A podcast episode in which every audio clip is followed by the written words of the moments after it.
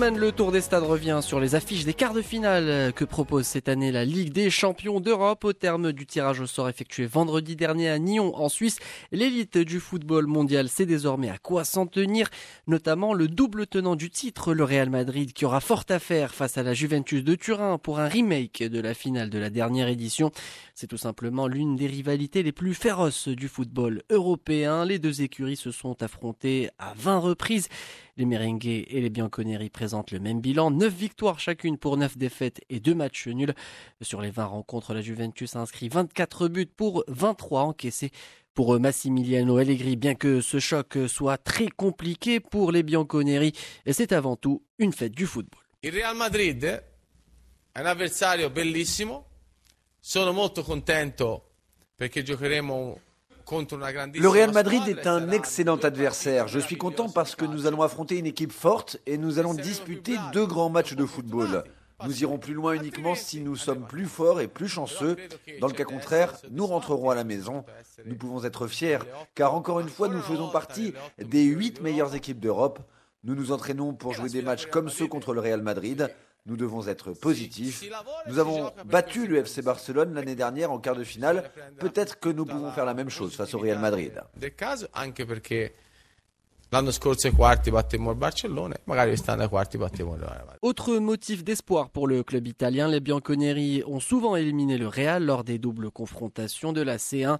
En quatre doubles affrontements européens, la Juventus a tout simplement éliminé le Real Madrid à quatre reprises avant de sombrer en finale de la dernière édition sur le score de 4 buts à 1.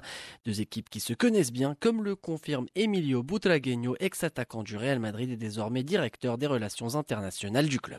Nos conocemos muy bien. Eh, on se connaît très bien, hein. on s'est affronté en finale l'an passé. La Juventus est une très grande équipe qui a beaucoup de points communs avec nous. Elle possède de grands joueurs, une grande expérience, elle est habituée à ce genre de match. Alors la Juventus a eu quelques difficultés contre Tottenham, certes, mais elle a su faire preuve d'une grande détermination pour se qualifier, ce qui montre qu'elle a vraiment l'habitude de ce genre de rencontre. Donc je pense qu'elle aura la force mentale et physique euh, pour venir chercher la qualification contre nous. Et si le Real Madrid a hérité d'un tirage compliqué, le rival de toujours, le FC Barcelone, a relativement été épargné. Les Catalans auront affaire à l'AS Rome avec un match aller au New Camp, bien parti pour décrocher le titre de champion d'Espagne et la Copa del Rey. Les Catalans ont également une belle opportunité d'accéder au dernier carré de la Ligue des Champions.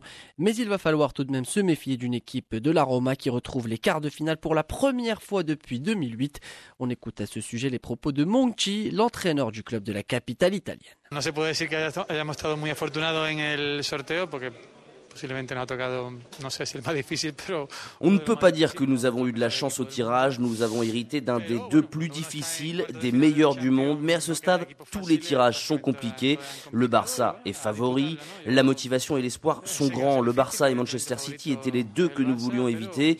L'histoire plaide en faveur du Barça, mais nous allons donner le maximum. Il y a de l'espoir et c'est un match éliminatoire ouvert.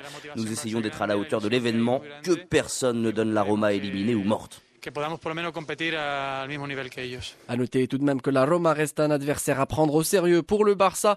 Les Transalpins ont fini premier de leur groupe devant Chelsea et surtout l'Atlético Madrid, reversé en Europa League. De son côté, le Bayern Munich a hérité du FC Séville. Les Bavarois ne devraient pas trop avoir de difficultés face à une formation qui atteint pour la première fois de son histoire ce stade de la compétition.